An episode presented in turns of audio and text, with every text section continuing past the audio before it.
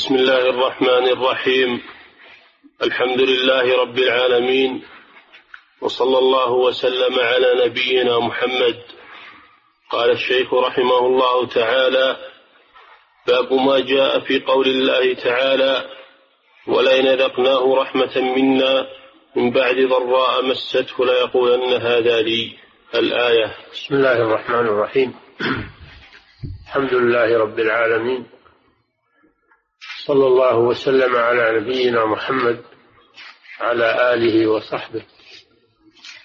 قال رحمه الله باب قول الله تعالى ولئن ذقناه رحمة منا من بعد ضراء مسته ليقولن هذا لي.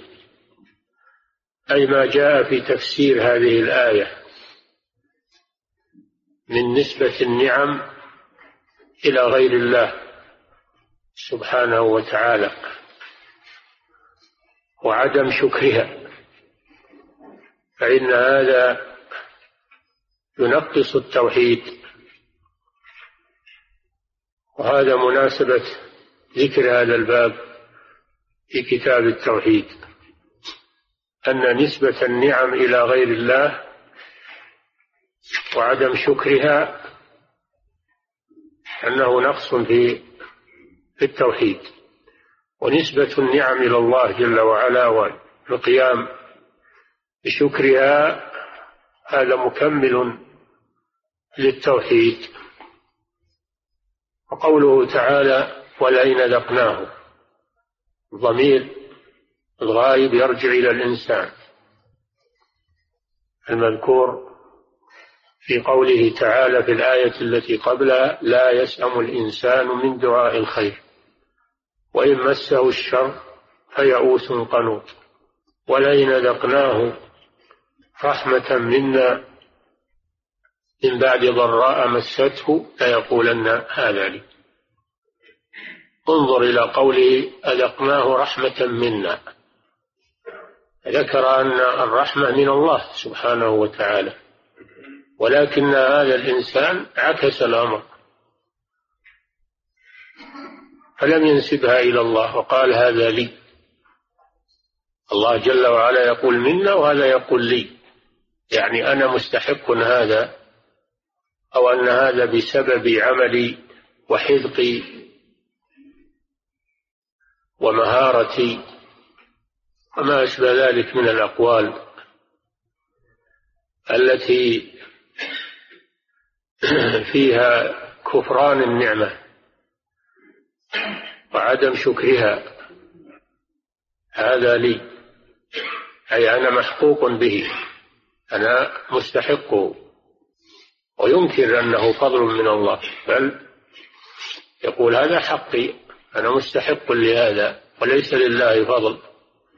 وإن لم يقل هذا بلسان المقال فإنه يقوله بلسان الحال. إذا قال هذا أنا محقوق بهذا فمعناه أنه لم يعترف بفضل الله عز وجل أو قال هذا بعملي أو بكدي أو كسبي أو غير ذلك من الأمور. فالواجب نسبة النعم إلى الله والقيام بشكرها قولا واعتقادا وعملا. اعملوا آل داود شكرا وقليل من عبادي الشكور. هذا هو الواجب. ولئن لقناه رحمة منا. من بعد ضراء مسته. من بعد ضراء مسته. فكون النعمة جاءت أو الرحمة جاءت بعد الضراء من الذي أزال الضر وأحل محلها الرحمة؟ هل هو يستطيع الإنسان أن يزيل الضر عن نفسه؟ لا يستطيع الإنسان أن يزيل الضر عن نفسه. بل الله جل وعلا هو الذي يزيلها. والإنسان يعترف أنه عاجز عن إزالة الضر بل إذا أصابته الضر لجأ إلى الله. وإذا مسكم الضر في البحر ضل من تدعون إلا إياه. فهو يعرف أنه ما يزيل الضر ولا يكشف الضر إلا الله جل وعلا. حتى المشركون وهم مشركون يخلصون في الشدة. ويعلمون أنه لا يكشف الضر إلا الله سبحانه وتعالى. لكن إذا توسع نسي إذا توسع نسي الضر الذي أنجاه الله منه ونسب هذا إلى نفسه. فلما نجاكم إلى البر أعرضتم وكان الإنسان كفورا. إذا توسع وزالت عنه الضر نسي ربه عز وجل. وإذا مسه الضر ذكر ربه. أما إذا جاءت السعة والنعمة فإنه ينسى ربه ويدعو معه غيره. ويشرك بالله عز وجل. وينسب هذا الشيء إلى إلى نفسه وإلى جهده وعمله.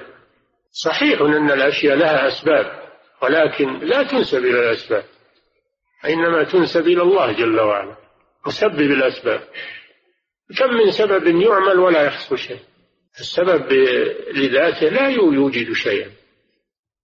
وإنما الموجد هو الله جل وعلا. فكم من أسباب بذلت وكم من ولم يحصل شيء. هذا دليل على أن السبب ليس بلازم أنه يوجد النتيجة. وإنما هذا يرجع إلى الله سبحانه وتعالى مسبب الأسباب. نعم. وهذا يكثر على ألسنة الناس الآن من مدحهم لأنفسهم ومدحهم لغيرهم وأن هذه الأشياء حصلت بمجهودات فلان وب وبمهارة فلان وبكذا وبكذا في الصحف والمجلات والإذاعات ثناء على المخلوقين ونسيان لله سبحانه وتعالى. ما تسمع إلا ما قل على ألسنتهم الشكر لله وأن هذا فضل من الله. بل كلها مجهودات فلان وأعمال فلان والإطرة والمدح.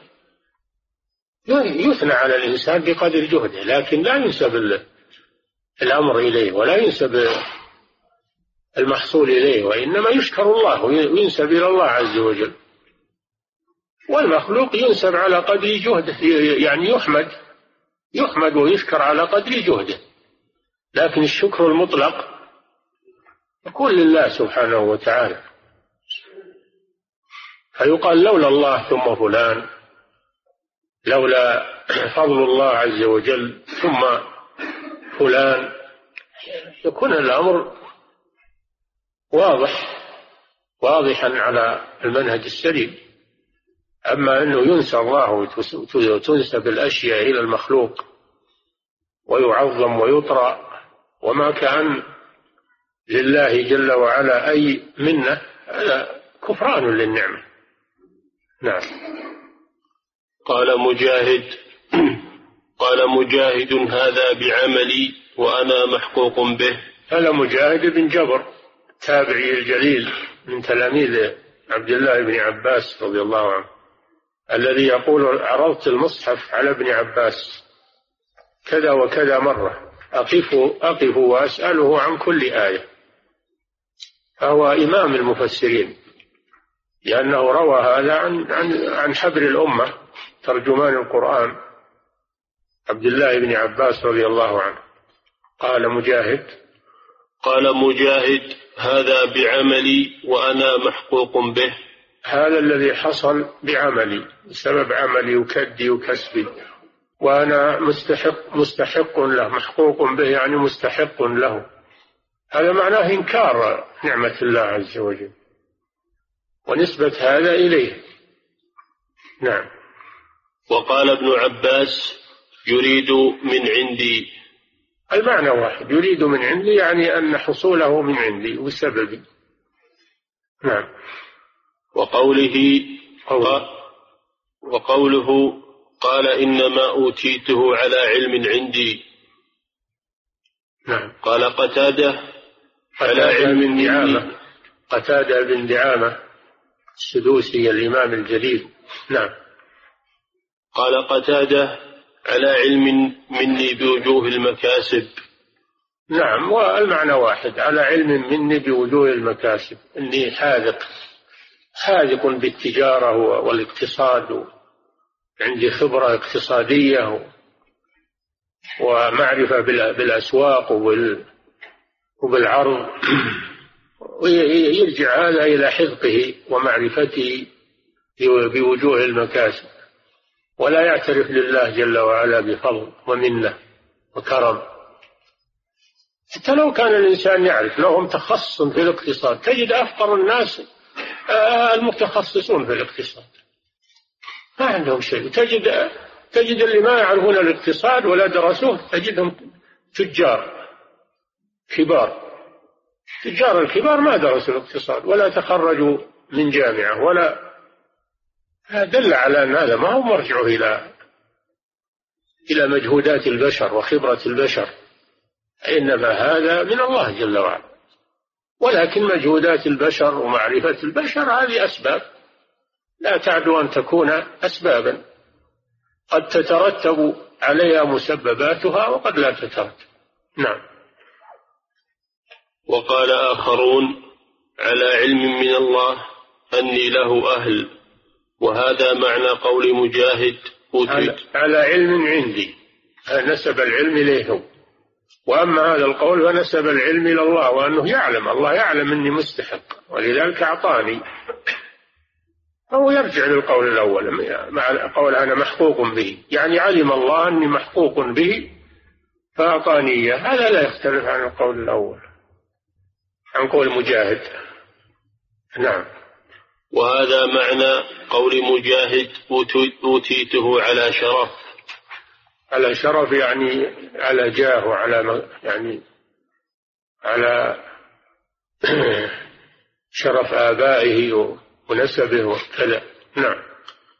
وعن أبي هريرة رضي الله عنه أنه سمع رسول الله صلى الله عليه وسلم يقول إن ثلاثة من بني إسرائيل أبرص وأقرع وأعمى فأراد الله أن يبتليهم فبعث إليهم ملكا فأتى الأبرص فقال أي شيء أحب إليك؟ قال لون حسن وجلد حسن ويذهب عني الذي قدرني الناس به. قدرني قدرني. قدرني الناس به. قال فمسحه فذهب عنه قدره وأعطي لونا حسنا وجلدا حسنا. قال فأي المال أحب إليك؟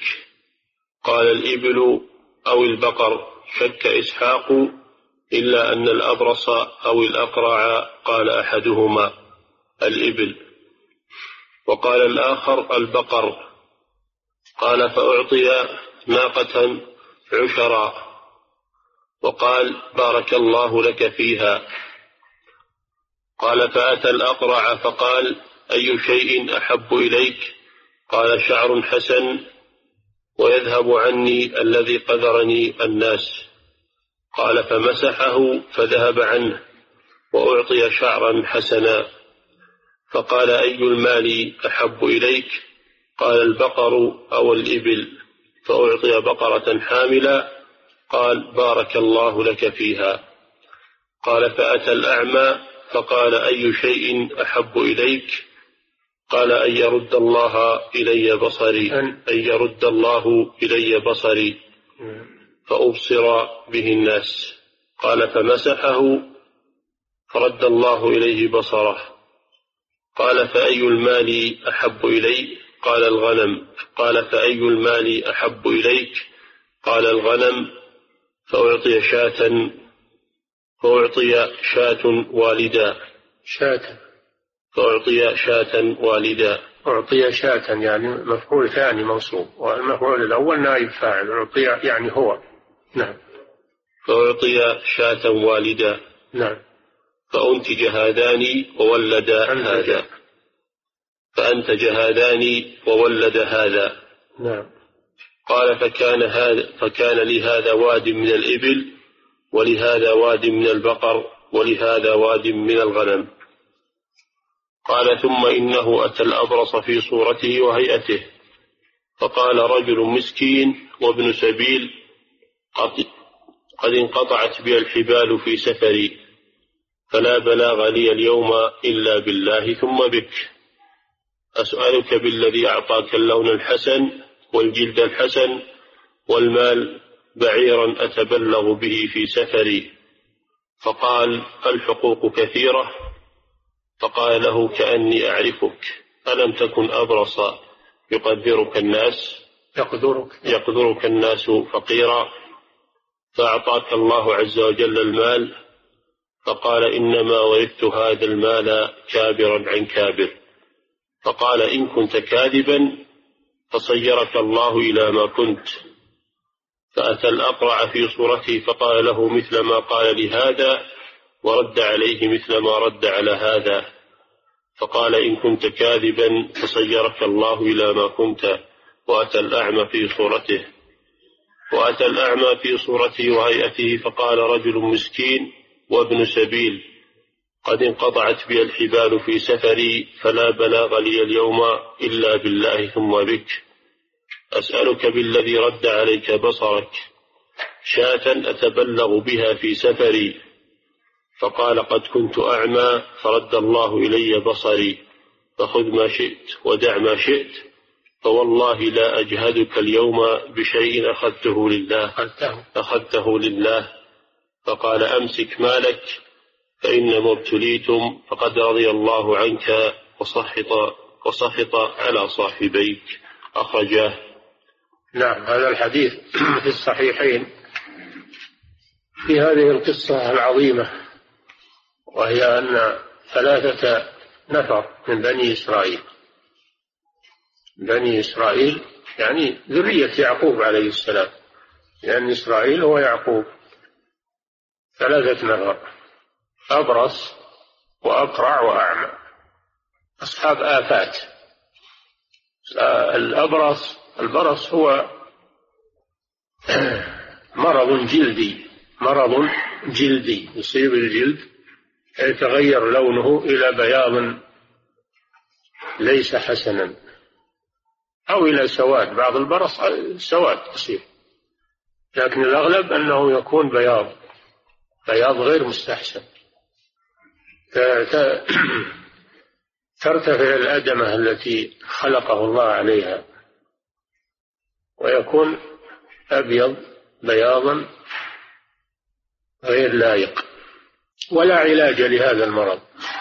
ما يقدر الأطباء على علاجه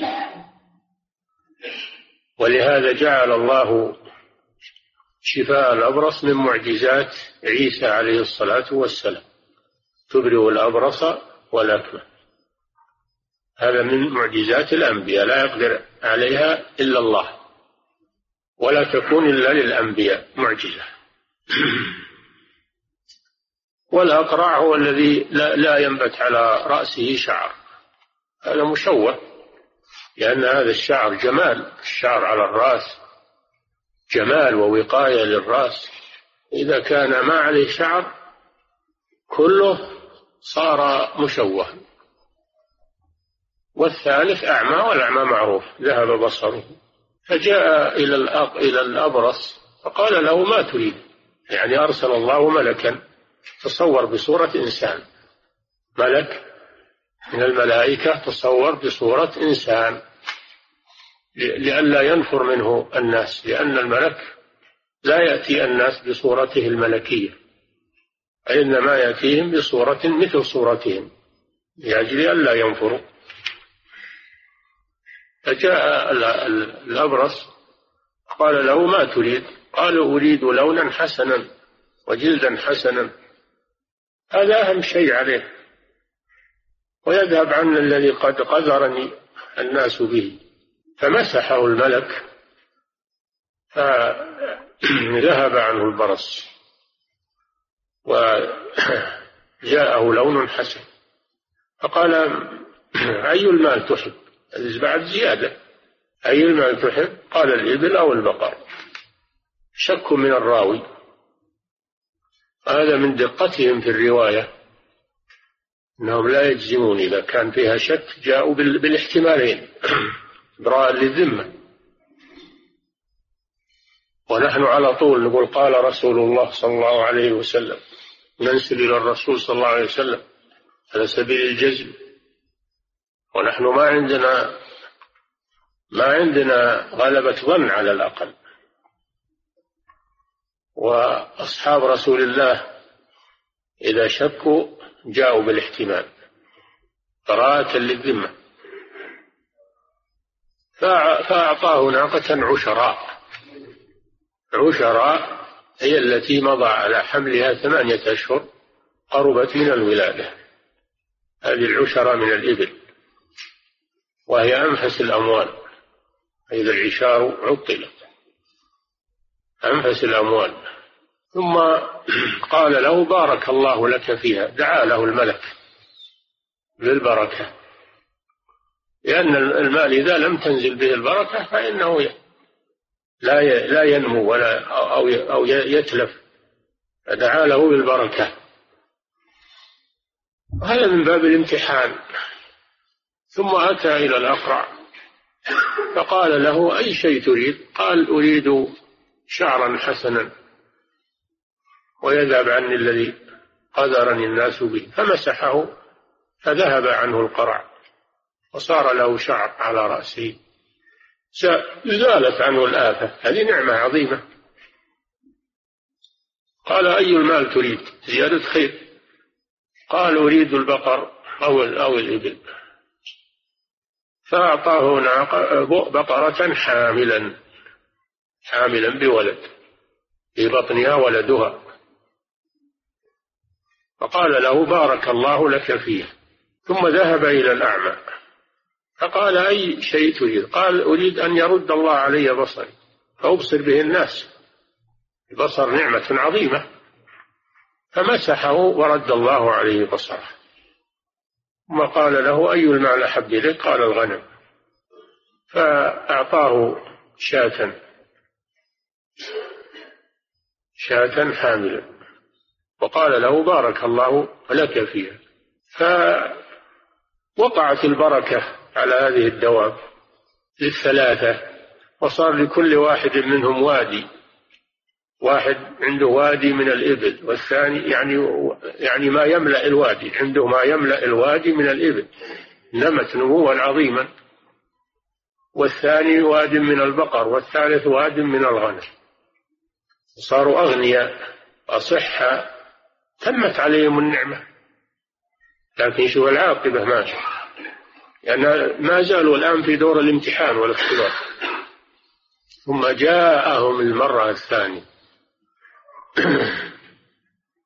جاءهم هذا الاختبار. جاء إلى الأول فقال له رجل فقير وابن سبيل قد انقطعت بي الحبال يعني الأسباب أو الحيال بالياء الحيل جمع حيلة. ولا بلاغ لي اليوم إلا بالله ثم بك. شوف الأدب أدب عباد الله الصالحين. لا بلاغ لي اليوم إلا بالله ثم بك. ما قال ما, ما لي بلاغ إلا بك. قال بالله ثم بك. هذا هو التوحيد. ولم ينسب هذا إلى السبب وإنما نسبه إلى الله. أسألك بالذي أعطاك اللون الحسن والجلد الحسن بعيرا نتبلغ به في سفر. فقال الحقوق كثيرة. اعتذر. أهو معطيه شيء. قال الحقوق كثيرة. أبغى أعطيك وأعطي فلان وأعطي فلان. نفدت الإبل. نفدت الإبل. فقال إن كنت كاذي ألم تكن كأني أعرفك ألم تكن كذا وكذا؟ أبرص يقدرك الناس فأعطاك الله آه، جلدا حسنا ولونا حسنا وكنت فقيرا فأغناك الله. ولكنه لم لم ينتفع بالموعظة. ذكره بحاله من قبل. فلم ينتفع بالموعظة والعجيب أن الملك جاءه بصورته التي كان عليها ليذكره. فقال إن كنت كاذبا فصيرك الله إلى ما كنت. دعا عليه الملك. الأول دعا له والمرة الثانية دعا عليه. ثم ذهب إلى إلى الأقرع وطلب منه مثل ما طلب من الأبرص ورد عليه الأقرع مثل ما رد عليه الأبرص. فقال له إن كنت كاذبا فصيرك الله إلى ما كنت. يعني فقيرا أقرع. ثم ذهب إلى الأعمى فطلب منه المساعدة وعرض عليه حاله وفقره. لا هو ما هو فقير هو ملك من الملائكة. لكن هذا من باب الاختبار. فقال هذا الثالث قد كنت أعمى يعني تذكر نعمة الله عليه. قد كنت أعمى اعترف بنعمة الله. فرد الله علي بصري وأعطاني هذا المال فخذ ما شئت ودع ما شئت. والله لا أجهد لا أجهدك بشيء أخذته لله. هذا الشكر لله سبحانه وتعالى. عز وجل فقال له الملك يعني الآن انتهى الامتحان. ما بقي إلا النتائج. النتائج ما هي؟ قال له أمسك عليك مالك فقد رضي الله عنك وسخط على صاحبيك. هذه النتيجة. فهذا سلم له ماله ورضي الله عنه. بسبب هذا الكلام الطيب وهالشكر وهالاعتراف وأما الآخران فسخط الله عليهما. فالحديث حديث عظيم وهو في الصحيحين. فيه فوائد. أولا فيه ذكر القصص الصحيح لمن كان قبلنا لأجل الاعتبار والاتعاظ. ما هو القصص اللي مجرد للتلهي ولا ولا هو بالقصص المكذوب أو بل القصص الصحيح الثابت. اللي في القرآن ولا في في الصحيح في, في الأحاديث الصحيحة إن طالب العلم يذكره للناس ويشرح لهم من أجل الاعتبار. الرسول صلى الله عليه وسلم قص على أصحابه هذه القصة العجيبة. وفيه وصف الله جل وعلا بأنه يرضى ويغضب. وهما صفتان لائقتان به سبحانه كسائر صفاته ليست كصفات المخلوقين. المخلوقون يغضبون ويرضون لكن والله يرضى ويغضب لكن فرق بين صفات الخالق وصفات المخلوق كما هي القاعدة المعروفة. ثالثا الحديث ما ساق المصنف آه، القصة من أجله وهي وجوب شكر النعمة وأن كفر النعمة يوجب غضب الله ويوجب العقوبة وأن شكر النعمة يوجب رضا الله سبحانه وتعالى. هذا هو الشاهد من القصة للباب. أن شكر النعمة يوجب رضا الله وأن كفرها يوجب غضب الله سخطه الله جل وعلا يقول وإذ تأذن ربكم لئن شكرتم لأزيدنكم. ولئن كفرتم إن عذابي لشديد. قال جل وعلا ألم تر إلى الذين بدلوا نعمة الله كفرا وأحلوا قومهم دار البوار جهنم يصلونها وبئس القرار. قال سبحانه وضرب الله مثلا قرية كانت آمنة مطمئنة يأتيها, يأتيها رزقها رغدا من كل مكان فكفرت بأنعم الله. فأذاقها الله لباس الجوع والخوف بما كانوا يصنعون. هذه سنة الله جل وعلا في الشاكرين أنه يرضى عنهم وهذا أعظم شيء رضا الله رضوان من الله أكبر. أفضل النعم وأعظمها رضوان الله جل وعلا ورضوان من الله أكبر. وتوجب أيضا البركة توجب آه، بقاء المال وزيادته ونموه لئن شكرتم لأزيدنكم. وأن كفران النعم يسبب غضب الله ويسبب زوال النعم. نعم. قوله باب ما جاء في قول الله تعالى ولئن ذقناه رحمة منا من بعد ضراء مسته فيقولن هذا لي. الآية. ذكر المصنف رحمه الله تعالى عن ابن عباس وغيره من المفسرين في هذه الآية ما يكفي ويشفي في المعنى. نعم ذكر تفاسير السلف لها وتفاسير وإن تنوعت فإنها لا تختلف فإنها لا تختلف لأن الآية تحتملها كلها. وهكذا اختلاف المفسرين اختلاف تنوع وليس اختلاف تضاد وكل واحد من المفسرين يأخذ باحتمال من احتمالات الآية. فإذا جمعتها وجدت أن الآية تدل عليها كلها. نعم. قال قال مجاهد هذا بعملي وأنا محقوق به. نعم. وقال ابن عباس يريد من عندي. وقوله قال إنما أوتيته على علم عندي. قال قتادة إلى آخره. وليس ما ذكروه اختلافا وإنما هو أفراد المعنى. أفراد المعنى. إيه نعم. يعني كل كل قول هو من مضمون الآية. نعم. قوله وعن أبي هريرة أنه سمع رسول الله صلى الله عليه وسلم يقول إن ثلاثة من بني إسرائيل أبرص وأقرع وأعمى فأراد الله أن يبتليهم فبعث الله إليهم ملكا. الحديث وهذا حديث عظيم يبين حال من كفر النعم وحال من شكرها.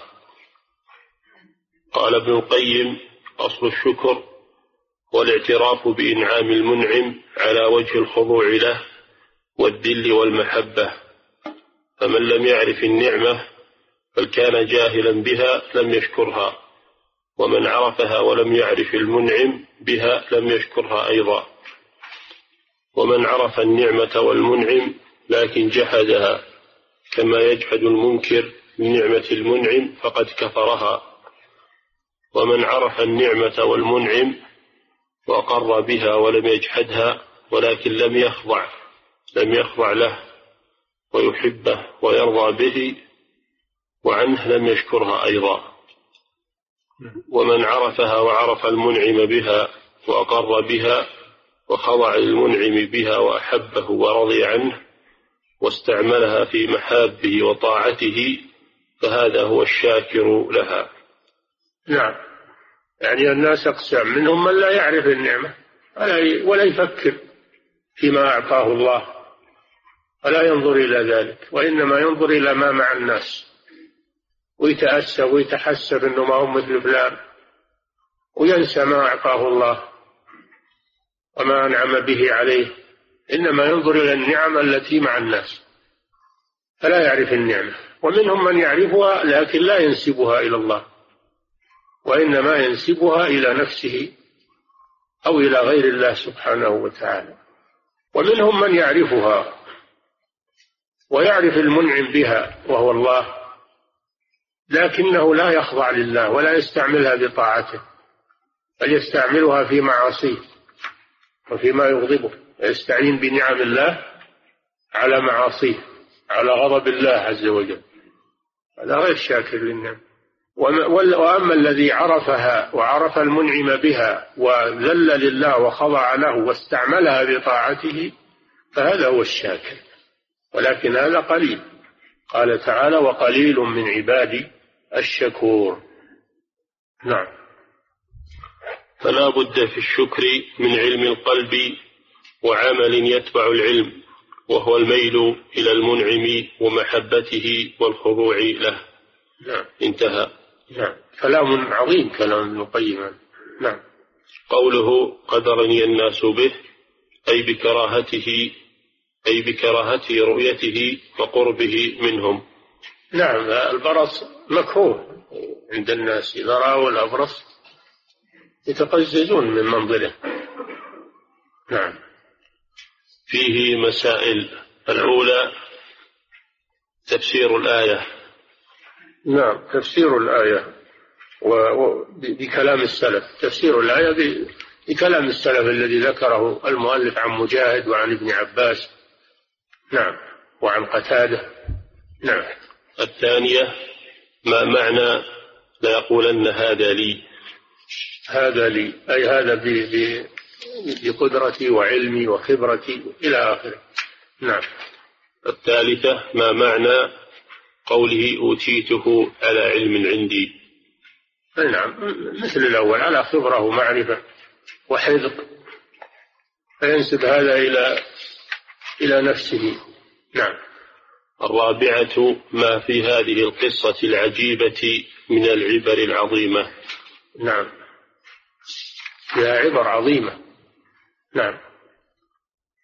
باب قول الله تعالى فلما آتاهما صالحا جعل له شركاء فيما نعم. آتاهما. نعم. باب قول الله تعالى فلما آتاهما صالحا جعل له شركاء فيما آتاهما. الآية. هذه قصة آدم وحواء عليهم السلام. في آخر سورة الأعراف. قال جل وعلا هو الذي خلقكم من نفس واحدة وجعل منها زوجها ليسكن إليها. خلق آدم من تراب من طين من تراب من حمأ مسنون بمعنى واحد. أصله التراب ثم صار طينا ثم صار حمأ مسنونا ثم خلق الله منه آدم. بقدرته سبحانه وتعالى من غير أب ولا أم. أوجده من عدم من التراب. خلق خلقكم هو الذي خلقكم من نفس واحد وجعل منها زوجها وهي حواء. خلقها الله من آدم من ضلعه الأيسر. وهذا من عجائب قدرة الله سبحانه وتعالى. والحكمة في ذلك ليسكن إليها. ليسكن الزوج إلى زوجه. يحصل السكن والطمأنينة والراحة. أما الزوج الرجل الذي ليست له زوجة فإنه لا يحصل له سكن نفسي وروحي وكذلك المرأة التي ليس لها زوج لا يحصل لها السكن السكون النفسي والراحة. إنما يحصل هذا بين الزوجين يسكن إليها. هذا من أعظم هذا من أعظم مقاصد الزواج. ومن آياته أن خلق لكم من أنفسكم أزواجا لتسكنوا إليها. جعل بينكم مودة ورحمة. ليسكن إليها. فلما تغشاها يعني وطئها كما يفعل الزوج مع زوجته هذا من مقاصد الزواج قضاء الشهوة طلب الولد هذا من مقاصد الزواج. الزواج له مقاصد عظيمة كثيرة. فلما تغشاها حملت علقت بالنطفة في رحمها حملا خفيفا. هذا في أول أطوار الحمل المرأة ما تحس به تماما. تمشي وتروح وتجي و...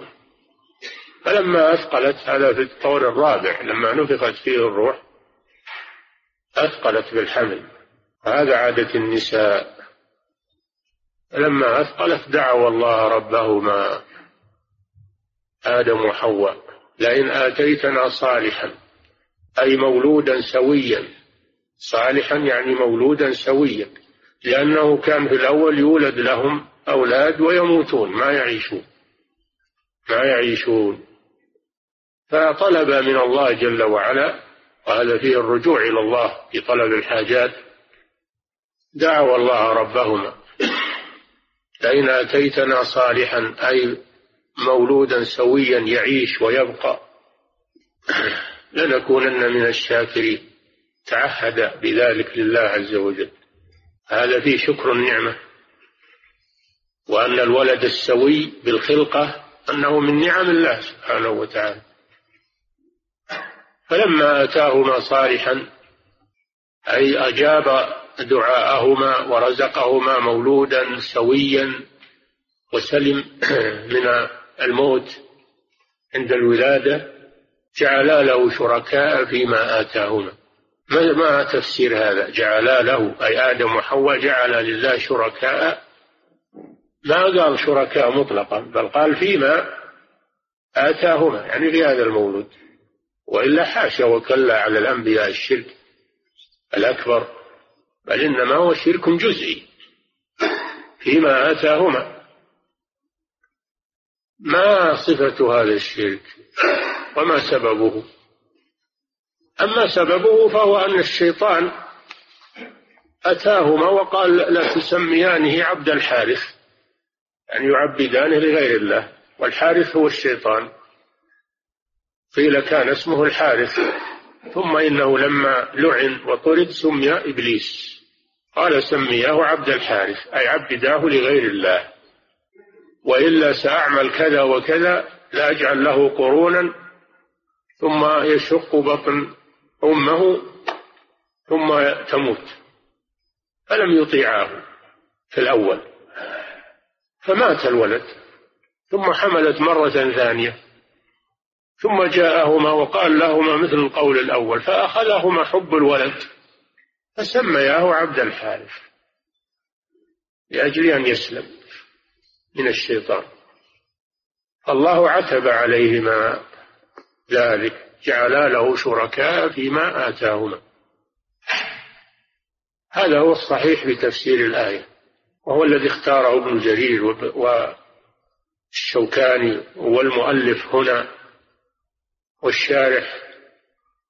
كلهم مشوا على هذا القول وأن المراد آدم وحواء. وذهب آخرون كابن كثير إلى أن المراد ذرية آدم وليس آدم ولا حواء لأن آدم نبي ولا يقع منه هذا. وحتى إن ابن كثير قال لعل هذا من الإسرائيليات ولكن الصحيح هو القول الأول. للسياق السياق في آدم وحواء ظاهر وصرفه عن آدم وحواء تعسف. لكن آخر الآية تعالى الله عما يشركون هذا المراد به الذرية وهذا من باب الالتفات. هذا من باب الالتفات والانتقال من آدم إلى ذريته. آدم والسياق يقتضي هذا والضمائر كلها بالتثنية أي تدل على أن المراد آدم وذريته. أما ما نوع الشرك الذي حصل فهو شرك أصغر. شرك في الطاعة فقط وليس شركا في العبادة. شرك في الطاعة وليس شركا في العبادة ولا في التألف فهو شرك أصغر. ومن أطاع مخلوقا في معصية الله هذا شرك نوع من الشرك. من أطاع مخلوقا في معصية الله هذا نوع من الشرك. يسمى شرك الطاعة وهو شرك أصغر. والأنبياء قد تقع منهم الصغائر لكنهم لا يقرون عليها بل يتوبون منها فهم معصومون من الاستمرار على الصغيرة وليسوا معصومين من الوقوع في الصغيرة لكن معصومون من الاستمرار عليها. وما ذكر ذنب لنبي إلا وذكرت معه التوبة. هذا مضطرد في القرآن. ما ذكر أن نبيا وقع منه ذنب صغير ولم يتب أبدا. هذا هو الصحيح في معنى الآية. والشاهد منها أن تعبيد الاسم لغير الله نوع من الشرك. كأن يقال عبد الحسين عبد الرسول عبد الكعبة عبد العزى وما أشبه ذلك. لأن العباد عباد الله جل وعلا. العبودية العامة والعبودية الخاصة. العبودية العامة هي العبودية التي معناها أنهم خلق لله وملك لله ويتصرف الله جل وعلا فيهم. هذه تشمل المؤمن والكافر. إن كل من في السماوات والأرض إلا آت, آت الرحمن عبدا. وكلهم عباد الله. تصرفوا فيهم كيف يشاء. ولا أحد يخرج عن عن أمر الله جل وعلا القدري الكوني. ما أحد يخرج عما يقضيه الله ويدبره عليه. لا المؤمن ولا الكافر ولا الملائكة ولا غيره. ما أحد يخرج عن أقدار الله جل وعلا. فهم عبيده يتصرف فيهم كيف يشاء سبحانه وتعالى. والعبودية الخاصة هي الألوهية عبودية الألوهية. وهذه خاصة بالمؤمنين. خاصة بالمؤمنين. هذه عبادة الألوهية. والأولى عبادة الربوبية فقط. فتسمية المخلوق عبدا لغير الله هذا شرك في الربوبية وهو شرك الطاعة. شرك الطاعة شرك في الربوبية. هذا ما قيل في الآية وهذا هو الجواب عن من خالف في في أنها تعني آدم وحواء. ففي ففي هذا تحريم تعبيد الأسماء لغير الله. تحريم تعبيد الأسماء لغير الله وأن هذا شرك. سماه الله شركا. لكنه شرك أصغر. أما إذا أريد عبد المسيح أو عبد أو عبد الحسين أو عبد الكعبة العبادة أنه يعبد المسيح أو يعبد الحسين أو يعبد فهذا شرك أكبر. شرك أكبر. ولهذا قال الإمام ابن حزم رحمه الله اتفقوا يعني أجمع العلماء على تحريم كل اسم معبد لغير الله. حاشا عبد المطلب.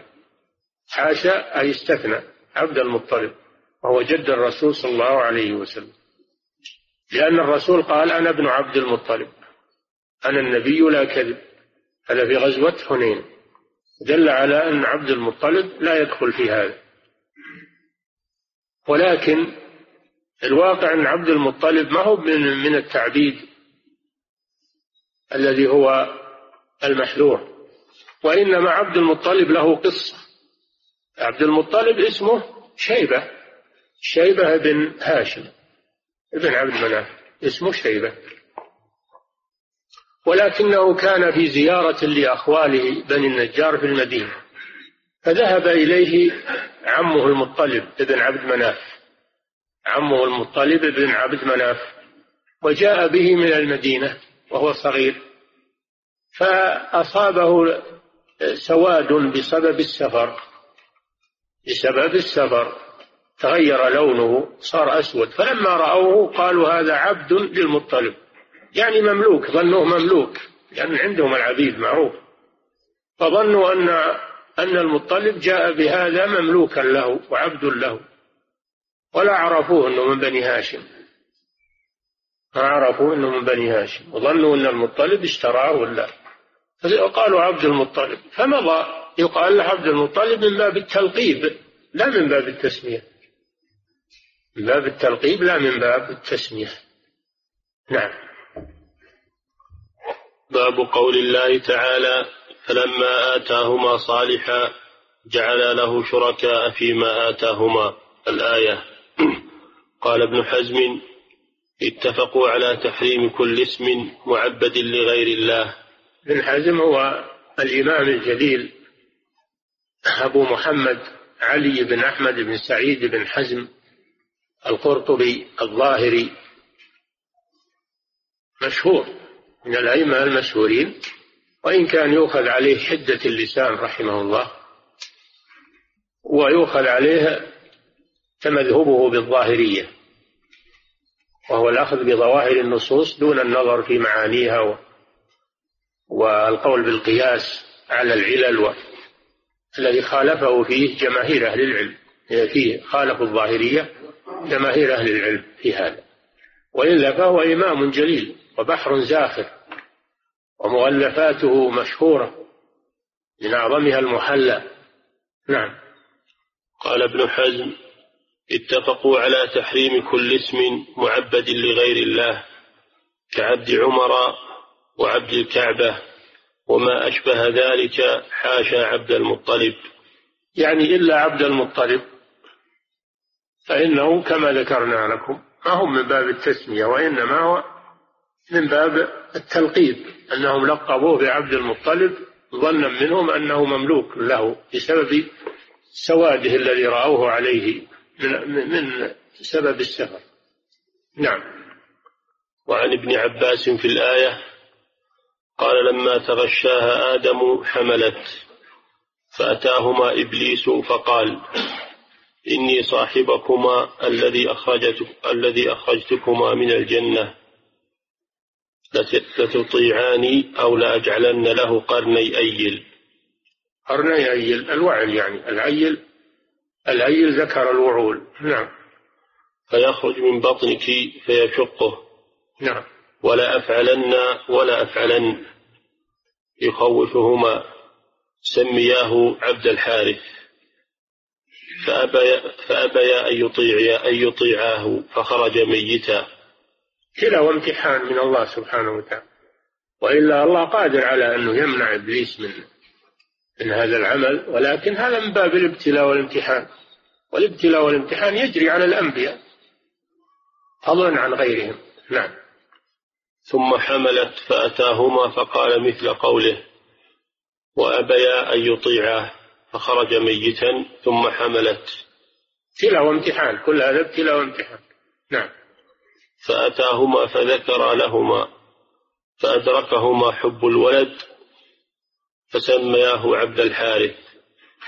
فذلك قوله تعالى جعلا له شركاء فيما آتاهما. نعم. رواه ابن أبي حاتم. يعني في التسمية فقط. نعم. وله بسند صحيح عن قتادة قال شركاء في طاعته ولم يكن في عبادته. هذا تفسير للآية. جعل له شركاء يعني في طاعته لا في عبادته. شرك الطاعة. نعم. ومن أطاع مخلوقا في معصية الله فقد أشرك. الشرك الأصغر. نعم. وله بسند صحيح عن مجاهد في قوله لئن آتيتنا صالحا قال أشفق أن لا يكون إنسانا نعم. صالحا يعني في الخلقة. صالحا في الخلقة.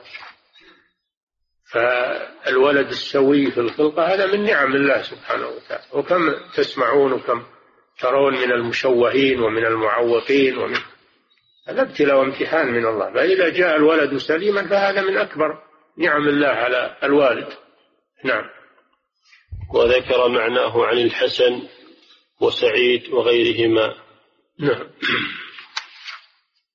قوله باب قول الله تعالى فلما آتاهما صالحا جعل له شركاء فيما آتاهما فتعالى الله عما يشركون.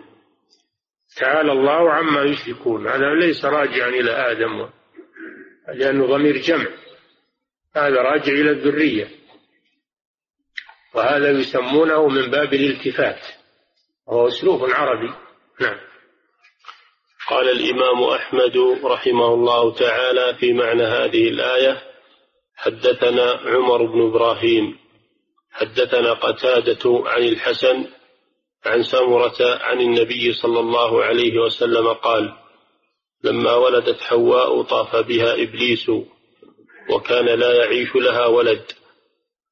فقال سميه عبد الحارث فإنه يعيش فسمته عبد الحارث فعاش. كلا وامتحان نعم. فكان ذلك من وحي الشيطان وأمره. نعم. وقال ابن جرير حدثنا ابن وكيع حدث حدثنا سهل بن يوسف عن عمر وعن الحسن. جعل له شركاء فيما آتاهما. قال هذا قال كان في كان هذا في بعض الملل ولم يكن بآدم. نعم. وعن ابن عباس قال كانت حواء تلد لآدم عليه السلام أولادا فتعبدهم لله وتسميه عبد الله وعبيد الله ونحو ذلك.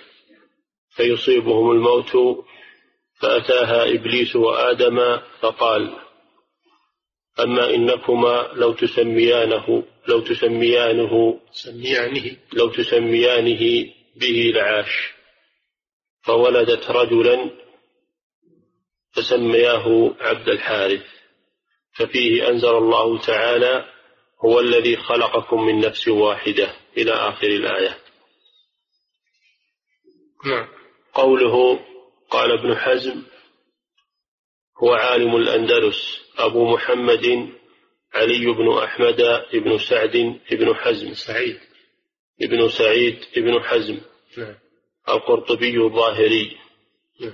صاحب التصانيف توفي سنة ست وخمسين وأربعمائة له اثنتان وسبعون سنة. اتفقوا على تحريم كل اسم معبد لغير الله كعبد عمر وعبد الكعبة. وما أشبه ذلك حاشا عبد المطلب. نعم. قلت وعبد المطلب هذا هو جد رسول الله صلى الله عليه وسلم. وهو ابن هاشم بن عبد مناف بن قصي بن كلاب بن مرة بن كعب بن لؤي بن غالب بن ابن فهر ابن مالك ابن النضر ابن كنانة كنانة ابن خزيمة ابن مدركة مدركة. مدركة ابن إلياس ابن مضر ابن نزار ابن معد ابن عدنان. وما فوق وما فوق عدنان مختلف فيه. نعم. ولا ولا ريب أنهم من ذرية إسماعيل ابن إبراهيم الخليل عليهما السلام. نعم. كل العدنانيون من ذرية من ذرية إسماعيل عليه السلام. نعم. حكى رحمه وأما الله. وأما القحطانية هي العرب العاربة. نعم. وهؤلاء يقال لهم العرب المستعربة. نعم. حكى رحمه الله اتفاق العلماء على تحريم كل ما عبد لغير الله لأنه شرك في الربوبية والإلهية لأن الخلق كلهم ملك لله وعبيد له. شرك في الربوبية هذا بلا شك. وإذا قصد العبودية صار في الألوهية أيضا. نعم. وعبيد الله استعبدهم بعبادته وحده وتوحيده في ربوبيته وإلهيته. نعم. فمنهم من عبد الله وحده في ربوبيته وإلهيته ومنهم من أشرك به في إلهيته وأقر له بربوبيته وأسمائه وصفاته وأحكامه وأقر له بربوبيته وأسمائه وصفاته. وأحكامه القدرية جارية عليهم ولا بد نعم. كما قال الله تعالى إن كل من في السماوات والأرض إلا آتي الرحمن عبدا فهذه العبودية العامة وأما العبودية الخاصة فإنها تختص بأهل الإخلاص والطاعة. كما قال الله تعالى أليس الله بكاف عبده؟ نعم. قوله حاشا عبد المطلب.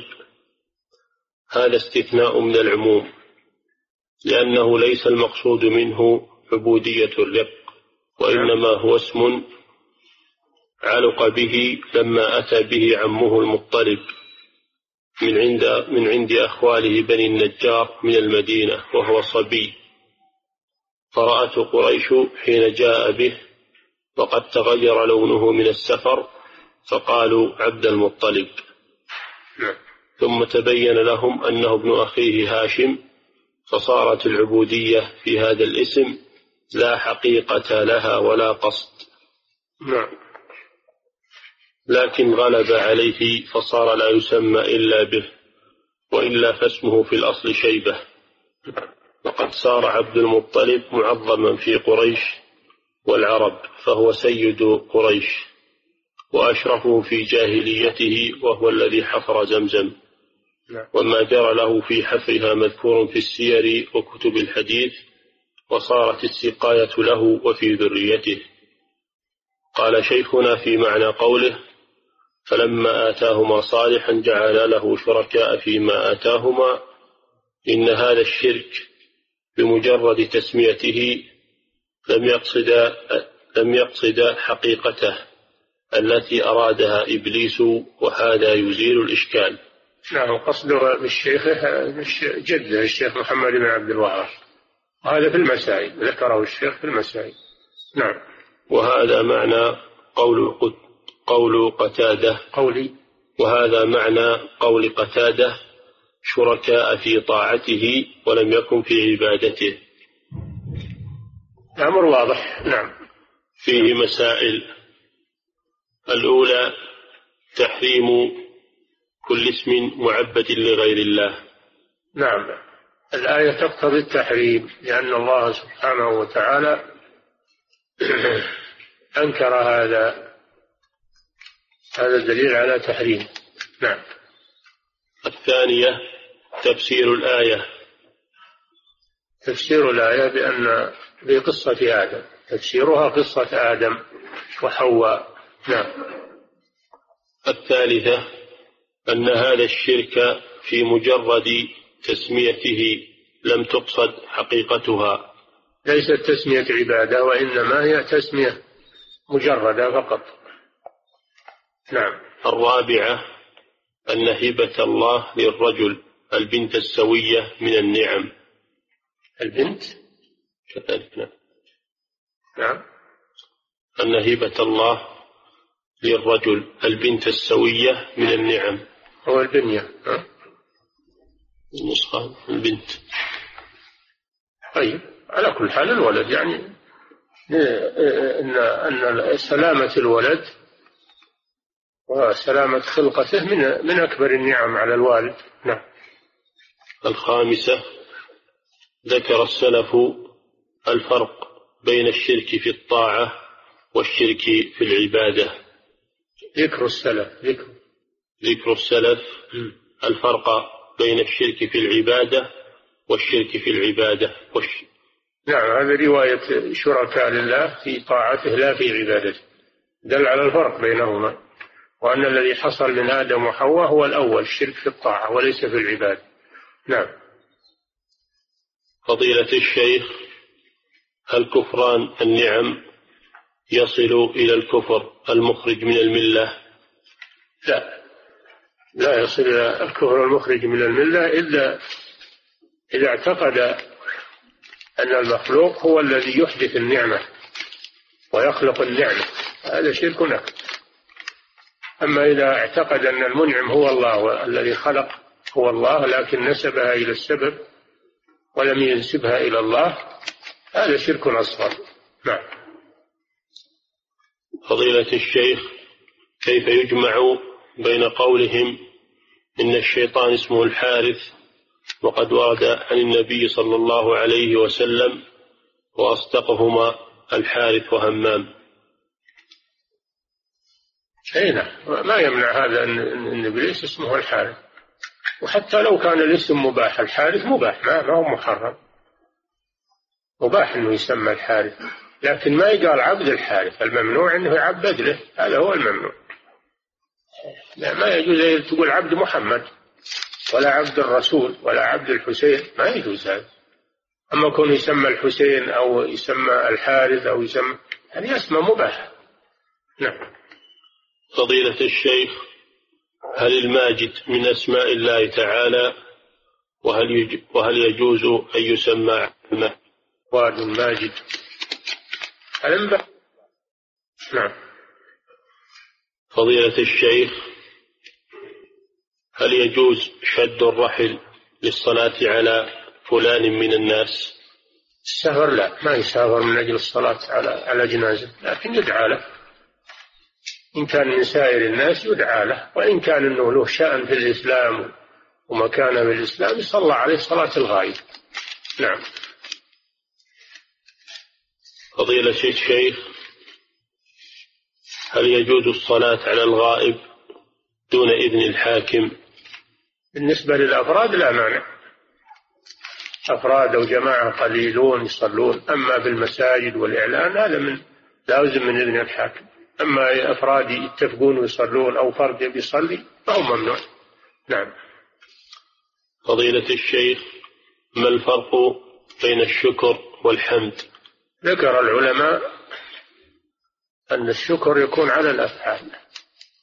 الشكر يكون على الأفعال وأما الحمد فهو أعم. الله جل وعلا يشكر لذاته ولأسمائه وصفاته ولأفعاله.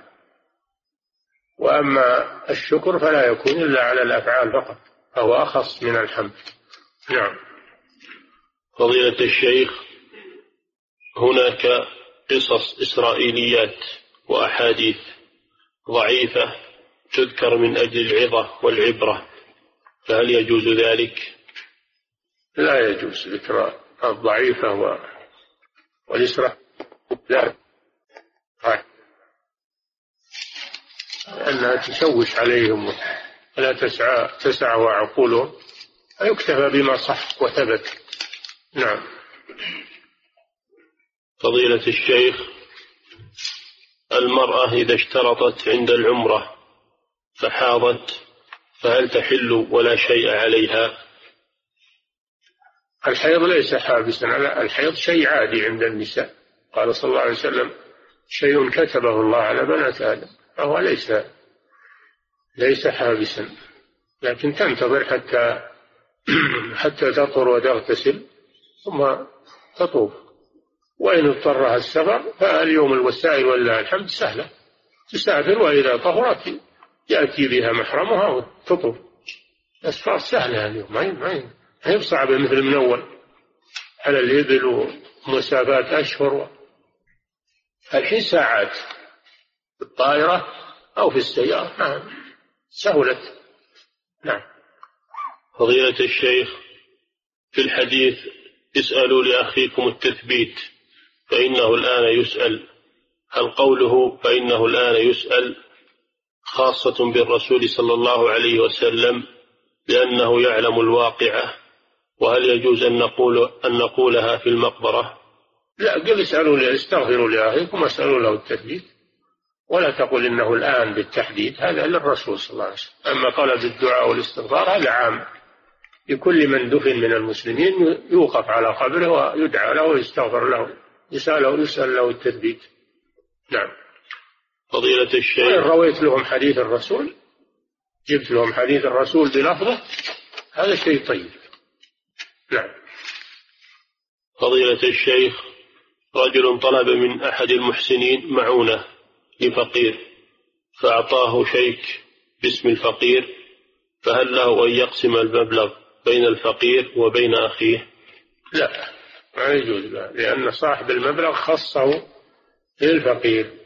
لا يجوز أنه يؤصر للفقير ما يجوز يؤخذ من الفقير ويعطى لغيره. نعم. فضيلة الشيخ هل يجوز للإنسان أن يسمي ناصر ورحيم ورحمن؟ لا بس. سمي رحيم ورؤوف الممنوع التعريف الرحيم أو الرؤوف أو هذا هو. أما رؤوف رحيم قال جل وعلا في رسول بالمؤمنين رؤوف رحيم. نعم. فضيلة الشيخ سألني أحدهم أنه لماذا يعذب أنه لماذا يعذب الله سبحانه وتعالى أصحاب النار؟ وأنه قد كتب عليهم الشقاء كما جاء في السنة وقد أشكل علي تفسير ذلك. ولا يعذبهم لأنه كتب عليهم الشقاء لكن يعذبهم لكفرهم وأفعالهم. يعذبهم بأفعالهم وأعمالهم التي عملوها باختيارهم وإرادتهم ومشيئتهم يعذبهم على أفعالهم. لا يعذبهم بمجرد القضاء والقدر عليهم. نعم. فضيلة الشيخ ما صحة العبارة أن الدنيا والآخرة حسبة واحدة؟ ما أدري والله ما أعرف ما أعرف هالكلام. نعم. وماذا يفعل من أقبلت عليه الدنيا بعد إدبار وهو يخشى على نفسه من إقبالها؟ كيف يوفق الإنسان بين الدنيا والآخرة؟ إذا أقبلت عليه الدنيا من وجوه حلال هذا ابتلاء وامتحان بلا شك. لكن عليه يكثر من الإنفاق الصدقة الإنفاق في سبيل الله والصدقات. لأن هذه فرصة ساقه الله ساقها الله إليه مكنه من ذلك. يكثر من الإنفاق في سبيل الله والصدقات. بذل المعروف وإقراض المحتاجين وتوسعة على المعسرين. نعم. فضيلة الشيخ ورد عن الرسول صلى الله عليه وسلم التشاؤم في ثلاث المنزل والزوجة الحديث. فهل هذا التشاؤم يكون تطيرا أو عدم الشكر؟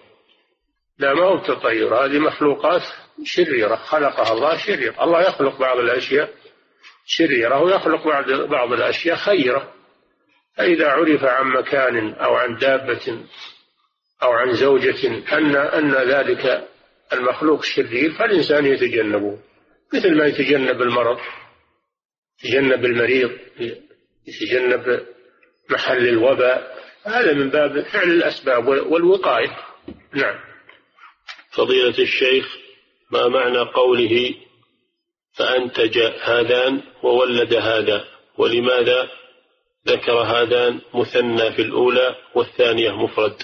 هذان يعني الأبرص والأقرع وهذا يعني الأعمى وأنتج يعني من النتاج نتاج السائمة وهي أولى. يعني يعني أنه نتج من السائمة أولاد فصار له إبل وبقر يملأان الوادي. نعم. فضيلة الشيخ بعض الناس يستدل بحديث الثلاثة على جواز التمثيل لأن الملك مثل على الثلاثة.